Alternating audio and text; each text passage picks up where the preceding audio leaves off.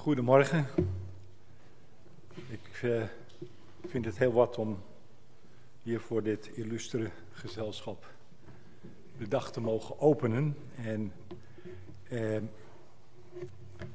ja, misschien beseffen we allemaal dat we toch wel op een lastig gewicht van de tijd staan. En dat de dingen waar we mee bezig zijn van groot belang zijn. Vooral voor de kerk van Jezus Christus, maar natuurlijk ook voor onze samenleving. En we hebben Gods hulp daarin zo nodig. En toen ik over deze dag nadacht en bad ook over wat ik daarin zou moeten doorgeven in deze korte overdenking die, we, die ik straks wil geven, was één zaak die steeds weer bij me terugkwam en dat is het woord bezinning. Eh, als, ik als ik terugdenk over hoe het gegaan is in, met de Nashville-verklaring in de tijd, vorig jaar, en ook de eerste studiedag, die ik trouwens erg nuttig vond, eh, dan eh, denk ik dat dat voor ons van groot belang is. Maar we willen vooral in de eerste plaats deze dag aan de Heer opdragen en Hem vragen om Zijn leiding. Dat Zijn Heilige Geest ons mag leiden in onze overdenkingen, in onze woorden, in onze gesprekken en discussies. Dat we samen als gemeente van Christus mogen ontdekken wat Hij in deze tijd van ons vraagt en tot ons spreekt. Mag ik u voorgaan in eerste plaats in gebed?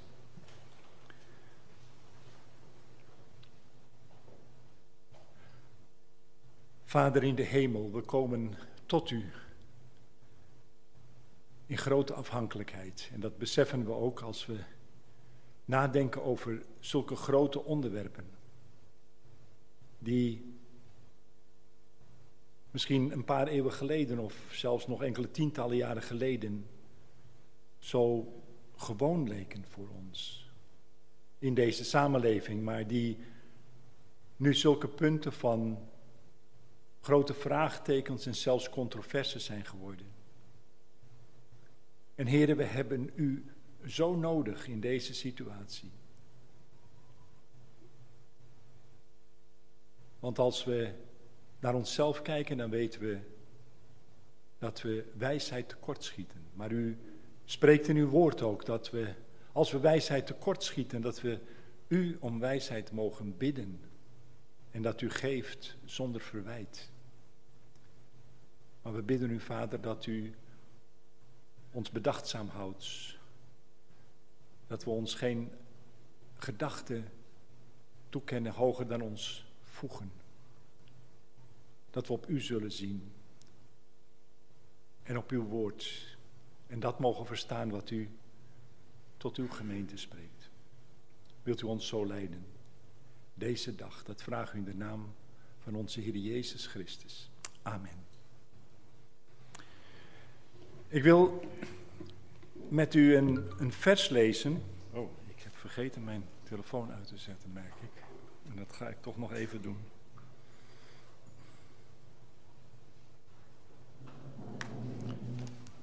Misschien is dat een, een signaal voor anderen om dat ook te doen. Ik wil met, met u één vers lezen uit Matthäus 10. Matthäus 10, vers 16. Een bekend woord natuurlijk. Waar de Heer Jezus tot zijn discipelen zegt: Zie, ik zend u als schapen te midden van de wolven. Wees dus bedachtzaam als de slangen en oprecht als de duiven. De Heer Jezus geeft deze raad aan zijn twaalf discipelen als hij hen twee en twee uitzendt om zijn boodschap te verkondigen. Eerst geeft hij ze in het gedeelte daarvoor hele praktische aanwijzingen over wat ze in hun rugzak moeten doen of niet en hoe ze mensen tegemoet treden. En dan kom je bij vers 16 en dan is er een, als het ware een omslag, want dan gaat de Heer Jezus spreken over wat ze kunnen verwachten op hun reis, hun zendingsreis zou je kunnen zeggen, hun eerste practicum. En dan noemt hij allerlei dingen die laten zien dat ze onbegrip kunnen verwachten, tegenwerking en zelfs vervolging. Maar als je dat gedeelte dan leest, wat na vers 16 komt, dan zie je dat de Heer Jezus een heel aantal zaken noemt die de, deze twaalf discipelen niet hebben ervaren op hun reis. Ze zijn, voor zover wij weten, en dat is toch wel erg aannemelijk, niet voor koningen en voor stadhouders geleid in die tijd, terwijl de Heer Jezus daar wel over spreekt. En dat laat zien dat in tegenstelling tot dat eerste gedeelte van dat hoofdstuk, dat gedeelte voor vers 16, wat heel specifiek voor de twaalf discipelen was, dat tweede gedeelte veel breder gezien mag worden. Dat gaat niet alleen maar over deze zendingsreis waar hij ze nu op stuurt, dat practicum. Het gaat over hun hele werk als apostelen in de toekomst. Maar het gaat ook over wat wij als kerk van Jezus Christus mogen verwachten. Het is dus ook voor ons dit tweede gedeelte. En de Heer Jezus begint dan met deze woorden. Hij zendt ons als schapen onder de wolven. De Joodse traditie leerde dat Israël een schaap was te midden van 70 wolven. De volkeren om Israël heen. En dat roept herkenning op als je naar de geschiedenis van Israël kijkt en naar de geschiedenis van het Jodendom.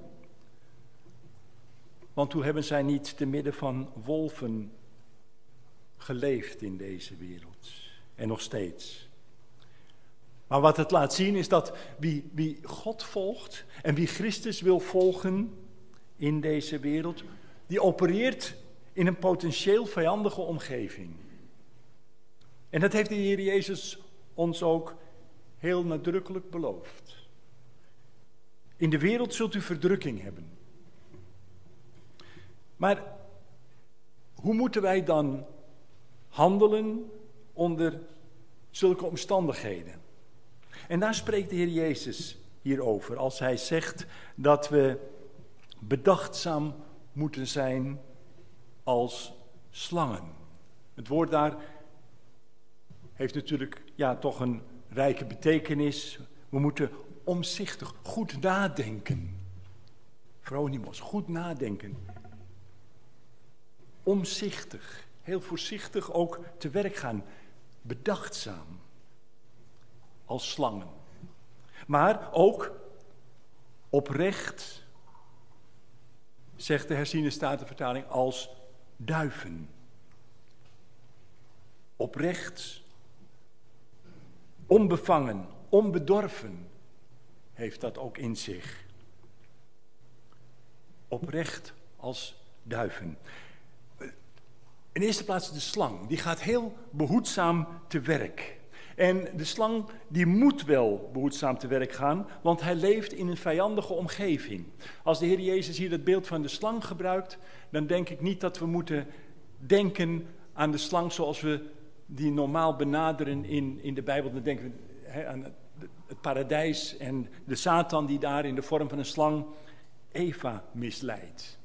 Natuurlijk, een, een andere vertaling heeft daar het woord arglistig als slangen gebruikt. En dat krijg, dan krijg je het idee dat, dat er iets van sluwheid in moet zitten. zoals de duivel in het paradijs Eva verleidde. Maar ik denk dat de Heer Jezus hier toch een ander aspect gebruikt in dit beeld van de slang. En dat is dat hij een, in feite een dier is dat altijd als vijand gezien wordt. Je zou het eerder kunnen zien als een bedreigde diersoort hier. Mensen hebben een hekel aan slangen. En slangen houden zich schuil, ze houden zich roerloos. Ik heb in mijn jaren in Afrika, in, in het begin heb ik, uh, als een hobby had ik uh, reptielen onderzoeken. Ik had er allerlei boeken over, dus ik heb ook veel uh, over slangen gelezen en gezien. Ik heb zelfs wel een kooi met slangen gehad. En dat was voor sommigen best wel eng. Maar de meeste slangen zijn totaal ongevaarlijk. En omdat ik er aardig wat van wist, kon ik dat onderscheiden. Maar voor de meeste mensen zijn slangen hele enge dieren. Die gaan je uit de weg. En misschien kunnen we dat nu een beetje voorstellen. Voor de wereld om ons heen beginnen wij vreemde mensen te worden. Soms een beetje eng. Maar hoe makkelijk vinden wij andere mensen niet eng omdat we ze niet kennen en hun ideeën niet kennen of hun, hun ideeën vreemd vinden. Maar die slang, die, die, die houdt zich koest. Een slang, die, die blijft meestal roerloos liggen en ze bewegen pas als het moet. Slangen reageren doorgaans helemaal niet agressief, maar juist heel erg defensief. Ze zoeken het conflict niet op. Ze houden zich liever afzijdig. En dan komen we bij de duif en die heeft een heel ander karakter. Het is een totaal ongevaarlijk dier. Het staat symbool voor vrede, voor onbedorvenheid, voor onschuld, voor zuiverheid.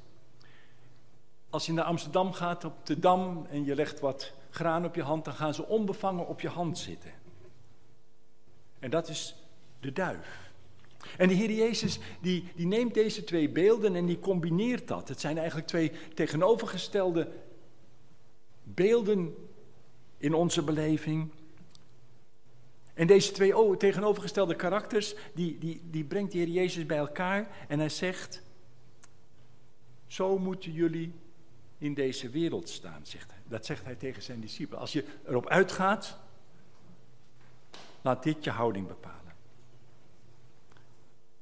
Dat betekent wel dat we ook de wereld om ons heen moeten zien zoals Jezus hem zag.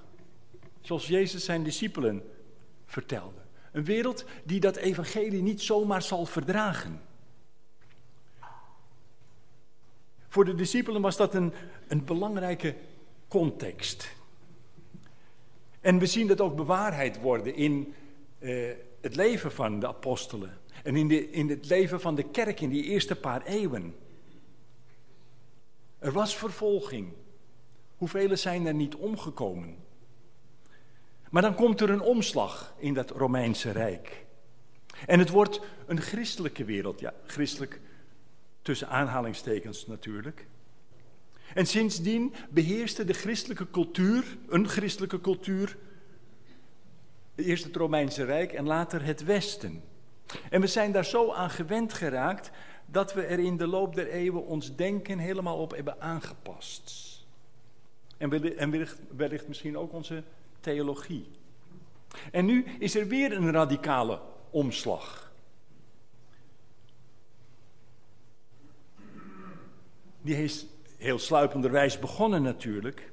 En is eigenlijk al een paar eeuwen aan de gang. Maar plotseling, plotseling lijkt die omslag helemaal vervuld te zijn. We leven in een postchristelijke wereld. En de christelijke cultuur en de daarmee verbonden moraal, die nog als een, een, afgedragen mantel eigenlijk over onze samenleving lag. En uiterlijk de identiteit leek te bepalen, die is afgeworpen.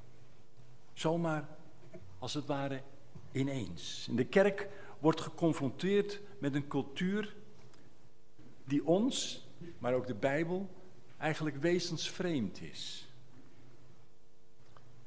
En de kerk bevindt zich opnieuw in een context die lijkt op die van de eerste eeuw. Christus is weer een vreemdeling. En zijn evangelie een anachronisme. We zijn weer het schaap tussen de wolven. En dat is even wennen, om het maar heel zacht uit te drukken. Maar het is van groot belang dat wij, en ook als Bijbels beraad, dat we die context goed onderkennen en dat we ons daarop bezinnen. Hoe gaan we om met die context en hoe gaan we daarin functioneren? En als we nadenken over het gezin en over de verhouding man en vrouw en over homofilie of de transgender vraagstukken die allemaal ongetwijfeld in onze studiedagen aan, aan de orde zullen komen, want dat zijn de heikele vragen van deze tijd, dan moeten we beseffen dat de buitenwereld totaal geen affiniteit meer heeft met het fundament waarop wij bouwen, namelijk Christus en zijn woord.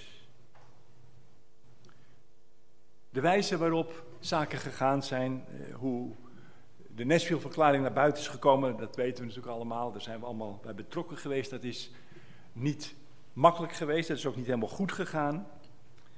En we hebben daarover gesproken, over, ook natuurlijk op, op de vorige studiedag in Putten. En we hebben hier ook in deze zaal met de visiegroep en het bestuur daar nog weer over eh, gesproken. En voor mij laat het één ding zien, ook als ik deze woorden van de Heer Jezus lees en daarover nadenk en dat probeer toe te passen. We moeten ons niet in de eerste plaats richten tot een buitenwereld, maar we moeten ons bezinnen op wat wij intern onderwijzen en hoe wij er pastoraal mee omgaan. We moeten in de eerste plaats bij onszelf te raden gaan. Hoe staan wij hierin?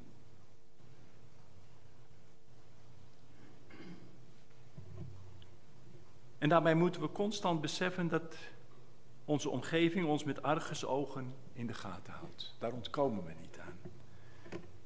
En daar moeten we ook niet bang voor zijn. Maar het laat ons wel zien hoe voorzichtig we moeten zijn. Vandaar de woorden van de Heer Jezus om bedachtzaam en omzichtig als slangen te werk te gaan. Laten we niet prematuur naar buiten treden met dingen voordat zij echt rijp zijn. En waarmee moeten we naar buiten treden? En hoe doe je dat? De vroege kerk, die onder druk leefde, grote druk in het Romeinse Rijk, die ging niet met spandoeken de straat op om te protesteren tegen de keizerverering. Dat was hun opdracht niet. Maar die overtuiging dat dat geen goede zaak was, dat werd snel genoeg duidelijk in die eerste eeuwen. Omdat zij leefden als volgelingen van Christus, als toegewijde volgelingen van Christus. De Heer Jezus leert ons in de bergreden om geen paarden voor de zwijnen te werpen. Als je dat zo leest, dan is dat nogal een, ja, dat klinkt dat nogal aanstootgevend. Vind ik tenminste. Maar het betekent dat we het juiste woord op het juiste moment aan de juiste personen brengen. We veranderen deze wereld niet door haar een christelijke cultuur of moraal op te dringen. Maar door bekering en redding in Christus te verkondigen. Alleen Hij verandert mensen en daarmee de moraal. En ik denk, als we kijken naar de wereld van vandaag, laten we heel voorzichtig zijn. Laten we gewaarschuwd zijn door de Bijvoorbeeld verdergaande polarisatie in de Verenigde Staten die we daar zien. Daar laat een flink deel van de kerk zich verleiden tot een onzalige strijd om met verkeerde wapens op te komen voor een onheilig cultuurchristendom. Dat uiteindelijk geen mens kan redden, maar veel meer mensen van het evangelie zal vervreemden. Laten we proberen te leren bijvoorbeeld van de, van de vroege kerk, van de apostolische tijd. Toen de gemeente onder grote druk haar Heer diende.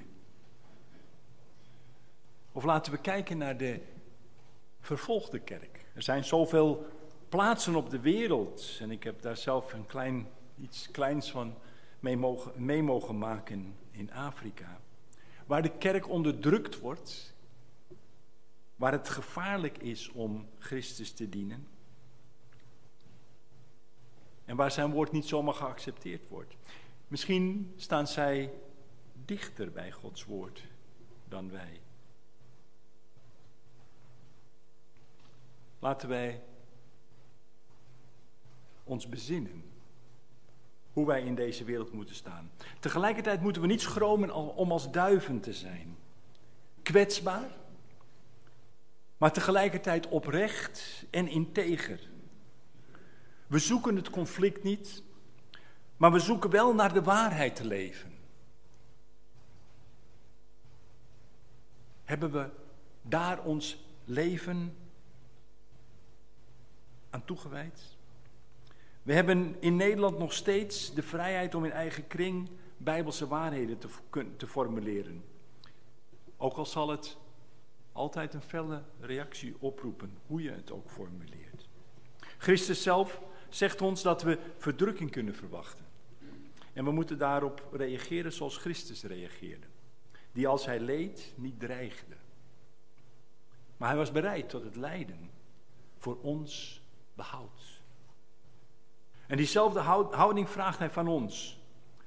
Mogen wij zo werken zoals Paulus ons opdraagt? Of nee, sorry, zoals Petrus ons opdraagt. Als hij zegt dat zij die nu kwaad van ons spreken als kwaaddoeners, door de goede werken die zij in ons waarnemen, God verheerlijken mogen op de dag dat er naar hen omgezien wordt. Want